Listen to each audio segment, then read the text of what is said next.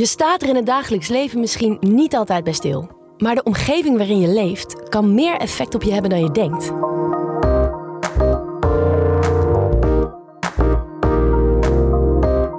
Ik ben Nienke de la Rivebox. Welkom bij de RIVM-podcast Leefomgeving en Gezondheid. In deze podcast klop ik aan bij de mensen achter de wetenschap van het Rijksinstituut voor Volksgezondheid en Milieu. Want naast hun onderzoek naar corona doen ze nog veel meer. Welke invloed heeft de omgeving waarin we leven op ons en onze gezondheid?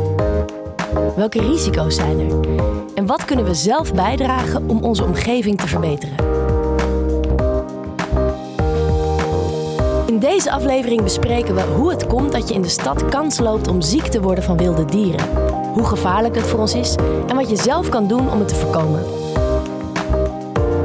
Antwoorden op deze vraag te krijgen spreek ik met Mirjam Maas.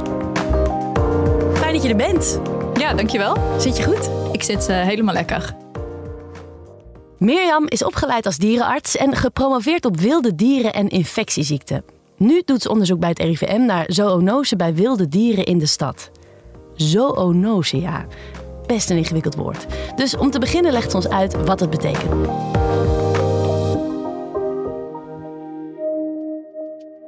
Ja, zoonose, dat zijn eigenlijk infectieziektes die van dieren op mensen over kunnen gaan. En die kunnen veroorzaakt worden door bijvoorbeeld bacteriën of virussen of parasieten. En eigenlijk heel veel dieren die we om ons heen hebben, die kunnen wel één of meer zoonose bij zich dragen. En uh, ze worden daar eigenlijk zelf vaak niet ziek van. Kan wel, maar meestal niet. Uh, maar wij mensen kunnen daar wel ziek van worden. Binnen het RIVM doen we dus onderzoek naar zoonose. We onderzoeken bijvoorbeeld ook zoonose die je van voedsel kunt oplopen. En wij in onze groep kijken vooral naar zoonose die van wilde dieren komen. En dan kijken we ook vooral naar knaagdieren. Uh, maar we kijken ook naar zoonose die bijvoorbeeld door muggen en teken worden overgebracht. Want die kunnen ook allerlei bacteriën en virussen overbrengen. Over wat voor zoonose hebben we het eigenlijk? Ja, dat is eigenlijk een hele lange lijst. Uh, en uh, allerlei dieren hebben weer verschillende zoonose.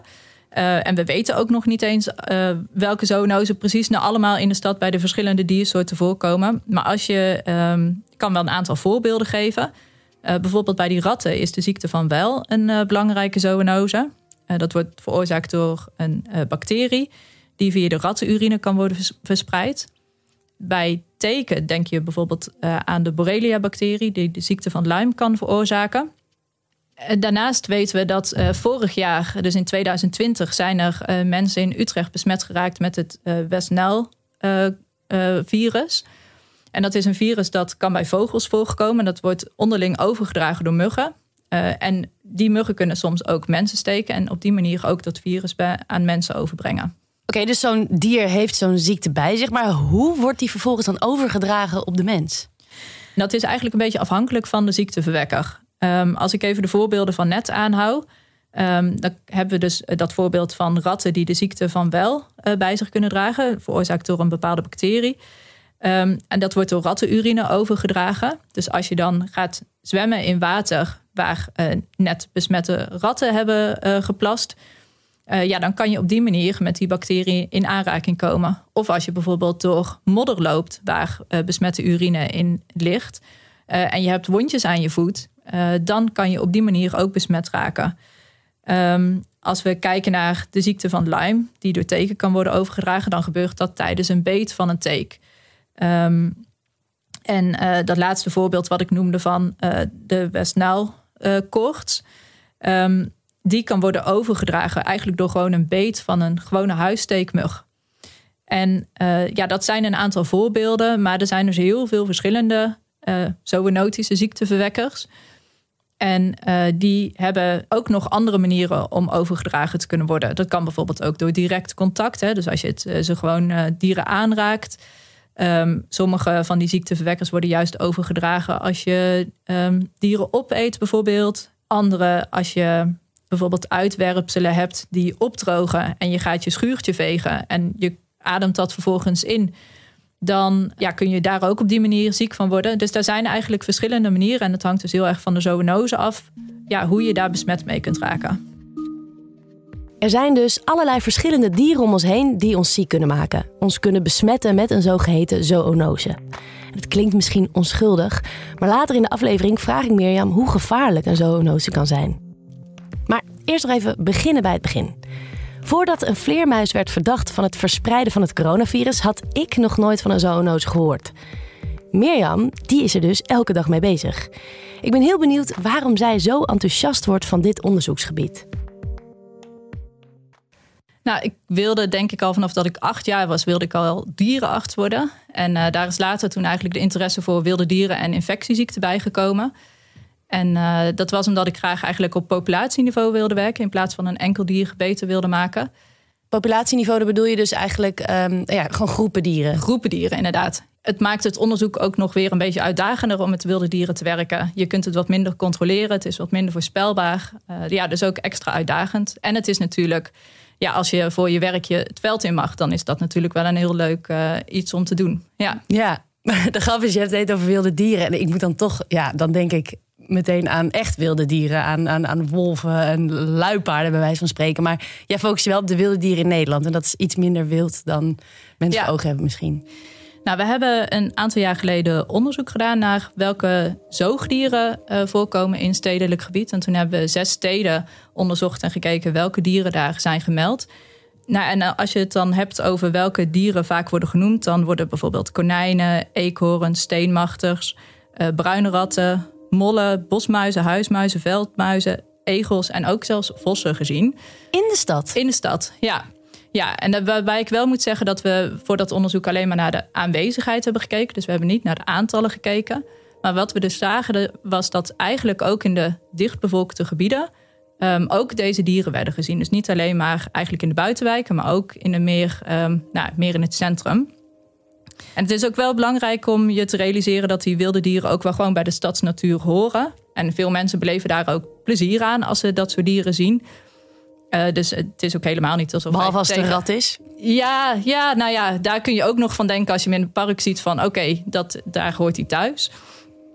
Um, dus wij zijn ook helemaal niet tegen dieren in de stad. Maar ja, we willen wel dat mensen daar uh, bewust mee omgaan. En ook weten dat als uh, er bijvoorbeeld heel veel van een bepaalde diersoort komt, dat je daar dan ook bepaalde risico's van, krijgt. En dus zelfs de allerkleinste teekjes en, en muggen. Ook die, ja. ja. En je bent er natuurlijk dagelijks mee bezig. Maar als je het even hebt over je eigen omgeving, kom je daar veel wilde beesten tegen? Ja, wij hebben een groene tuin en we wonen ook aan, uh, aan een sloot. Dus we hebben sowieso allerlei waterdieren. egels hebben we soms in de tuin. Onze katten brengen wel eens een muis mee. Ja, en natuurlijk hebben we ook allerlei kleinere dieren, zoals muggen, bijen. Um, en we hebben ook teken in de tuin, want ik heb ooit eens een teken van het hoofd van mijn zoontje afgehaald. Dus ook daar heb ik helaas ervaring mee. En wat gebeurt er dan als Mirjam, de onderzoeker, een teken van het hoofd van haar zoontje afhaalt? Nou ja, dat was eigenlijk niet uh, zo heel slim van mij. Want ik kan hem natuurlijk bewaren en dan naar mijn collega's brengen en zeggen: hey, wat zit hierin? Uh, maar ik heb hem eerlijk gezegd als reactie meteen ervan afgeveegd. Want hij liep nog los. En toen dacht ik later: ach, die had ik natuurlijk mee moeten nemen. Ja, als onderzoeker sta je dus ook niet altijd aan. Toch leuk om te horen dat Mirjam als moeder anders reageert op de take dan als ze als onderzoeker had gedaan. Het zijn net mensen. Als onderzoeker gaat ze anders te werk, legt Mirjam uit. Nou ja, dat onderzoek dat bestaat natuurlijk altijd al heel veel over uitdenken. Wat ga ik onderzoeken? Hoe ga ik dat onderzoeken? En dan zit er dus ook uh, meestal een deel veldwerk bij. Um, ja, uh, voor bijvoorbeeld als we onderzoek naar teken doen, dan gaan we teken verzamelen op locaties. En dat doen we vaak door een, uh, een wit doek van een vierkante meter achter ons aan te slepen. Dat wordt dan ook verzwaard en dan sleept het over de grond. En dan kun je het op die manier over ja, over bosjes, struikgewas uh, kun je het slepen. En dan ja, sta je om de paar meter stil. En dan kijk je eigenlijk op de onderkant van je doek wat voor. Uh, ja, of daar tekenen zich hebben aangehecht aan dat doek. Ik kan me voorstellen dat je wel wat grappige reacties krijgt als mensen je met een wit laken door de stad zien lopen.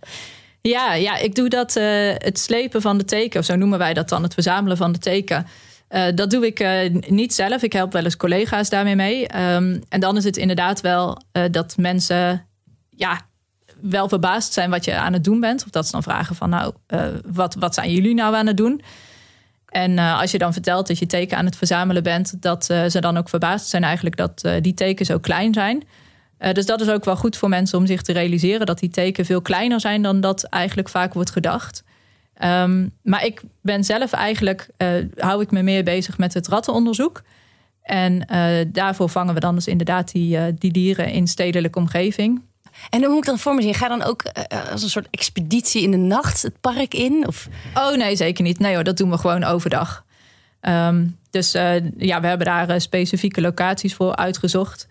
En ja, we gaan dan gewoon overdag gaan we die vallen daar neerzetten. Dus ja, vandaar dat mensen dat dan ook zien en af en toe daar ons op aanspreken. Dus en, en we zoeken de locaties uit omdat er een bepaalde hoeveelheid groen is. Dus soms gaan mensen zich ook al heel, heel erg zorgen maken dat ze zeggen: Oh, maar hebben we rattenoverlast hier? En dan zeggen wij van nee, maar dat is omdat dit onze onderzoekslocatie is. Mm um, dus ook daar krijgen we dan wel vragen over. Ja. En waarom doen jullie juist onderzoek naar wilde dieren en zoonozen in de stad? De stad brengt bepaalde risico's met zich mee, omdat er um, ja, natuurlijk uh, de mensen en de dieren leven daar veel dichter op elkaar. Dus daarom is dat voor ons ook wel een interessante omgeving om naar te kijken. Ik kan het wel toelichten met een voorbeeld over teken. Uh, want we weten dat ongeveer een derde van de tekenbeten uh, in stedelijk gebied wordt opgelopen. En dan hebben we het dus bijvoorbeeld over de tuinen en de parken. Um, en daarom doen we ook onderzoek naar het stedelijk gebied en teken. Um, en we hebben nog niet zoveel in tuinen kunnen kijken. Maar als je naar de parken kijkt, dan zie je dat op bijna uh, alle plekken wel teken voorkomen. Maar dat het er veel minder zijn dan in, het, in de bosomgeving. Um, dus dat kan wel 10 tot 100 keer minder zijn dan in het bos. En dat het ook vaak heel lokaal voorkomt. Hè? Dus in een bepaald soort struikje. Of, of een bepaald uh, stukje uh, park. Waar zij het lekker naar hun zin hebben. Ja, waar dan net even de omstandigheden goed zijn voor die teken om, ja, om te leven eigenlijk. Maar we weten, uh, daaruit kun je dus eigenlijk opmaken dat ook al heb je veel minder teken, dan de combinatie van weinig teken, maar wel met heel veel mensen, leidt dan blijkbaar toch tot heel veel tekenbeten. Ja, want een derde van de tekenbeten in de stad vind ik best nog wel een hoog aantal. Ja, dat, ja, dat vinden wij ook en daarom doen we er ook onderzoek naar. Ja. Ja. En um, ja, wat we dus graag willen weten is hoe komen ze dan eigenlijk in die stad en hoe kunnen ze daar overleven? Omdat we in het bos eigenlijk zien dat bijvoorbeeld um, ja, eh, hechtachtige daar belangrijk zijn voor het volwassen stadium van de teken. Um, ja, die heb je een stuk minder in de stad. Dus hoe, hoe doen die teken dat dan? Komen ze dan met uh, bijvoorbeeld vogels mee uit het bos en komen ze op die manier in de stad? Of komen ze met honden mee? Of hebben ze dan toch uh, genoeg gastheren in de stad om daar ook te kunnen overleven. Nou daar doen wij dus onderzoek naar. Ja, want dus een teek heeft altijd een ander dier nodig om zich te kunnen verplaatsen in de stad. Ja, uh, en überhaupt. Ja, nou, een teek kan zich wel korte afstanden verplaatsen, uh, want hij heeft ook pootjes. Uh, maar hij heeft ook gastheren nodig om uh, zich te kunnen voeden, want ja, hij, hij heeft het bloed nodig van de gastheren. En met gastheren bedoelt Mirjam dus andere dieren of mensen? Nou, veranderen onze steden. We willen bijvoorbeeld steeds meer groen in de stad. Nou, dat doet natuurlijk wat met de dieren. Maar wat voor invloed heeft dat uh, op de zoonose in de stad?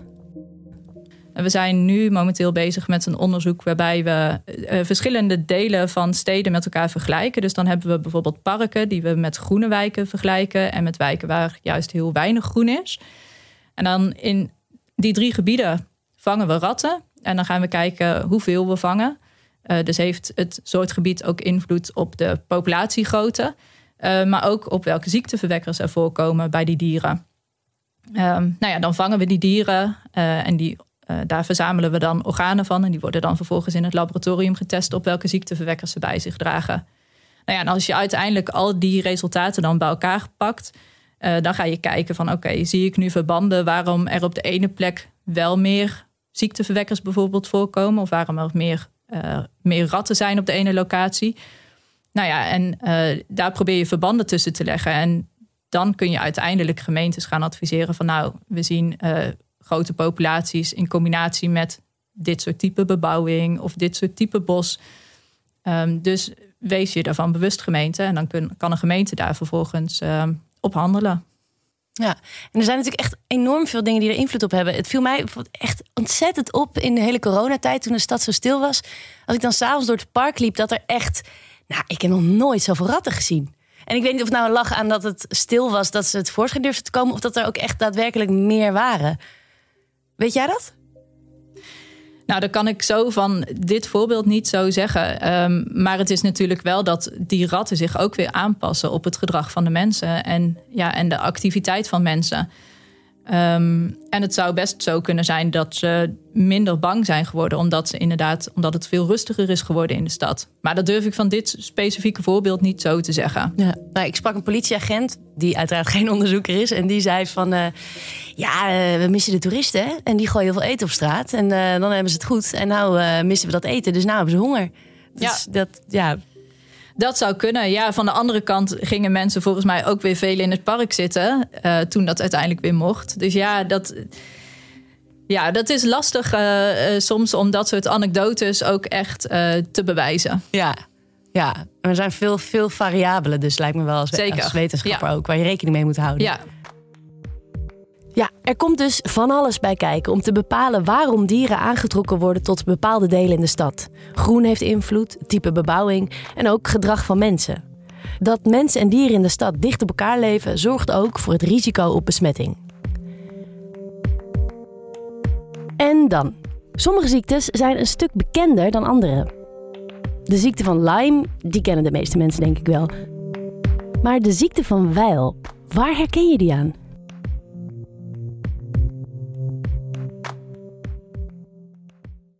Ja, bij de meeste mensen uitzicht dat eigenlijk als uh, gewoon uh, lichte griepachtige verschijnselen. Dus het is ook best wel uh, niet specifiek eigenlijk. Ja, en wat, wat, moet je dan doen als je denkt dat je mogelijk besmet bent door een dier?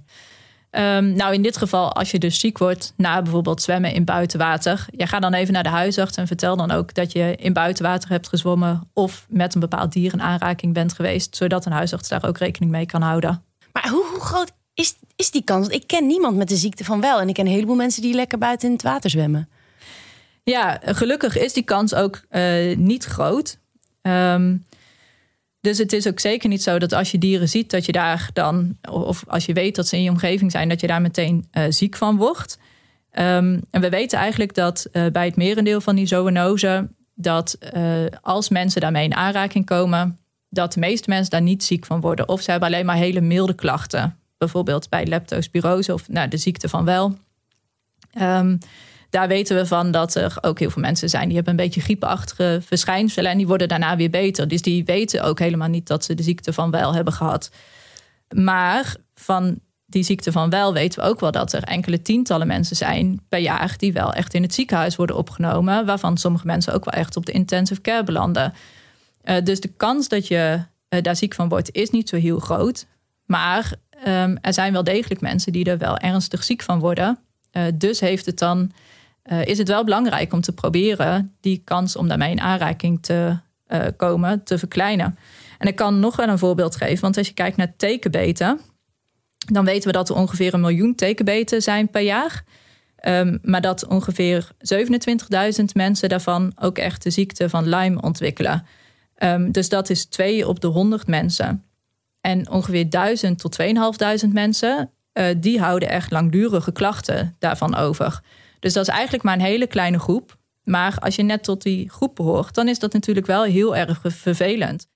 Ja, je hebt het natuurlijk eigenlijk ook al wel genoemd, maar toch voor de mensen die dit luisteren en denken, ja, moet ik nou, nou echt concreet bang worden? Wat, wat kunnen we zelf doen? Nou, je hebt er dus uh, in bepaalde mate zelf wel als burger invloed op. Uh, zorg dat je ja, de voedselbeschikbaarheid voor bijvoorbeeld ratten beperkt. Uh, en dat betekent dus eigenlijk concreet: uh, ga geen eendjes voeren of duiven voeren. Um, zorg dat je dichte prullenbakken hebt. Uh, laat geen zwerfafval achter. Ook een composthoop bijvoorbeeld. Hè, daar kunnen ook allemaal ratten eten vinden. dus zorg dat je die afsluit voor ratten. Zorg dat je geen wilde dieren aanraakt als dat niet hoeft. En nou ja, als je dan toch een muis moet opruimen, zorg dan dat je je handen daarna goed wast tegen muggen kan je stilstaand water in je tuin verwijderen. Met dat bijvoorbeeld in de vogeldrinkbakjes zit of in uh, schoteltjes. Wat ook heel belangrijk is, wat we meerdere keren al hebben genoemd, is dat je controleert op tekenbeten als je in het groen bent geweest. Ja, en op wat grotere schaal, jullie adviseren natuurlijk ook gemeentes en zo. Wat, wat kan er op grotere schaal gebeuren om ons daarvoor te beschermen? Ja, we willen inderdaad met uh, het onderzoek dat we doen ook gemeentes adviseren hoe zij de groene omgeving ook beter in kunnen richten, zodat we wel optimaal van het groen kunnen genieten, maar eigenlijk met zo weinig mogelijk risico's. dus daar, daar zijn we nog mee bezig. Maar er zijn natuurlijk wel een aantal dingen die gemeentes nu ook al op kunnen pakken. Ehm, als er ergens heel veel voedsel beschikbaar is voor ratten, bijvoorbeeld omdat de vuilnisbakken iedere keer vol zitten, zorg dan dat je extra vuilnisbakken bijplaatst. Of zorg dat je ze regelmatig schoonmaakt. Of hè, voorkom bijplaatsingen bij vuilnisbakken. Um, gemeenten kunnen ook zorgen dat ze het gras lager houden rondom bankjes uh, of rondom speelplekken van kinderen. Um, maar daar zie je ook dat de verschillende belangen af en toe best wel kunnen botsen. Want als je een groot grasveld hebt, um, zeg maar gewoon, gewoon alleen maar met gras, ja, dan zullen daar niet zo heel veel teken op zitten. Maar ja, dat is natuurlijk ook best wel een beetje saai. Het zorgt voor weinig groenbeleving voor mensen. Um, het is ook niet zo goed voor de bijen en voor de vlinders. Um, dus dat wil je liever wat gevarieerder. Maar ja, als je allemaal struikjes gaat plaatsen, dan kunnen daar die teken tussen die blaadjes heel goed overleven. Dus dan botsen eigenlijk ook die belangen. En het kan dan ook wel zijn dat de gemeente zegt van nou, we vinden het dan toch wel belangrijker om hier eigenlijk te zorgen voor echt een goede, groene, gevarieerde omgeving. Maar zorg dan dat je als gemeente mensen daar dan ook extra over inlicht. Van nou, als je hier in dit groen gaat recreëren, uh, zorg dan dus dat je een tekencheck doet. Dus daar uh, kan ook een gemeente extra maatregelen nemen nog. Ja, dus jij zegt niet, uh, we moeten stoppen met vergroenen, want dat gaat de verkeerde kant op. Nee, nee, nee, zeker niet. Nee, want ik, wij ook als RIVM eh, zeggen dat er ook heel veel positieve effecten van, dat, van een groenere stad zijn. Um, maar je moet eigenlijk het dus zo, je moet slim vergroenen. Je wil zoveel mogelijk van de positieve effecten gebruik maken, terwijl je de risico's zo minimaal mogelijk houdt. En om die juiste balans te vinden, uh, nou ja, dat kan af en toe best een uitdaging zijn. En uh, ja, dat is wat we eigenlijk gewoon dagelijks proberen te doen. Kan je iets vertellen over hoe uh, steden de afgelopen jaren zijn veranderd en, en wat dat dan ook betekent voor de dieren en dus de zoonozen in de stad?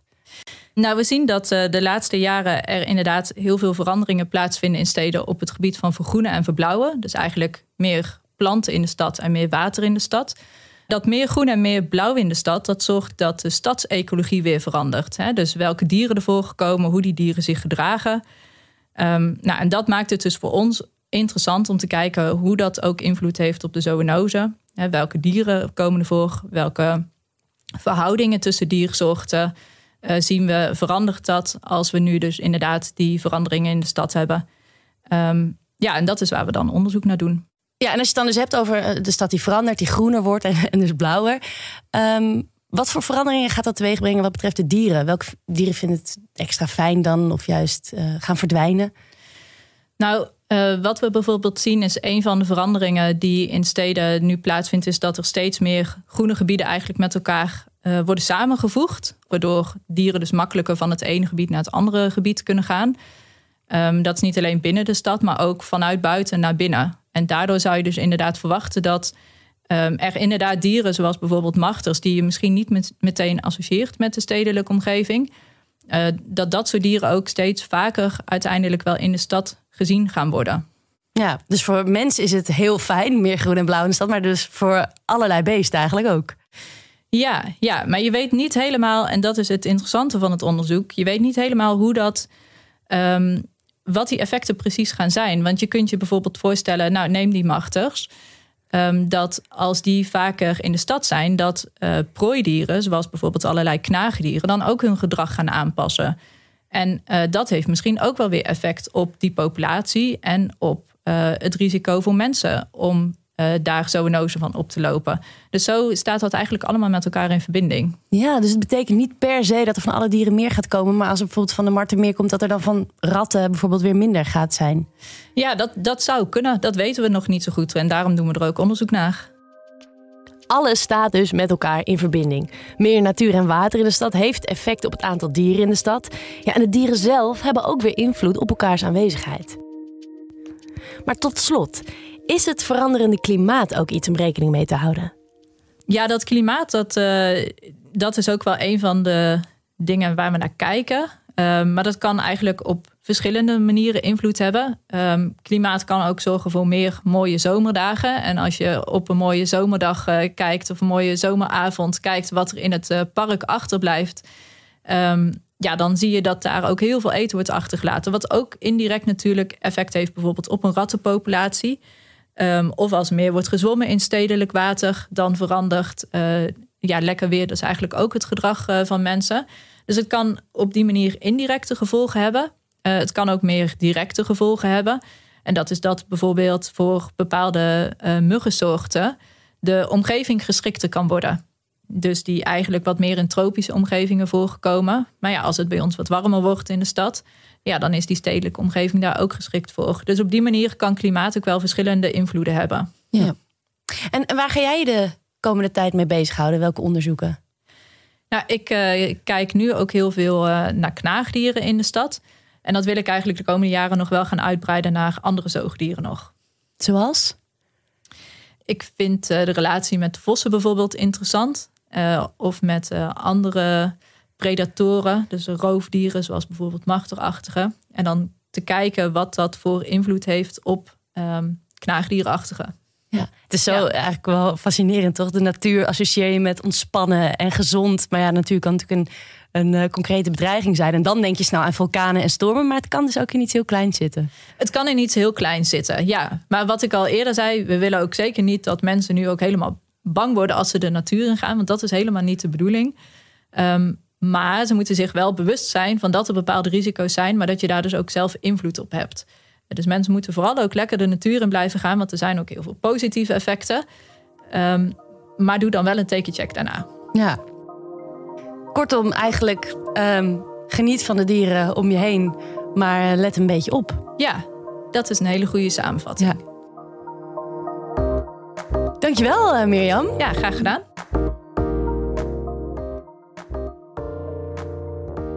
Dank voor het luisteren. Dit was de RIVM-podcast Leefomgeving en Gezondheid, geproduceerd door Dag en Nacht Media. Wil je meer weten over wat het RIVM doet op het gebied van leefomgeving en gezondheid?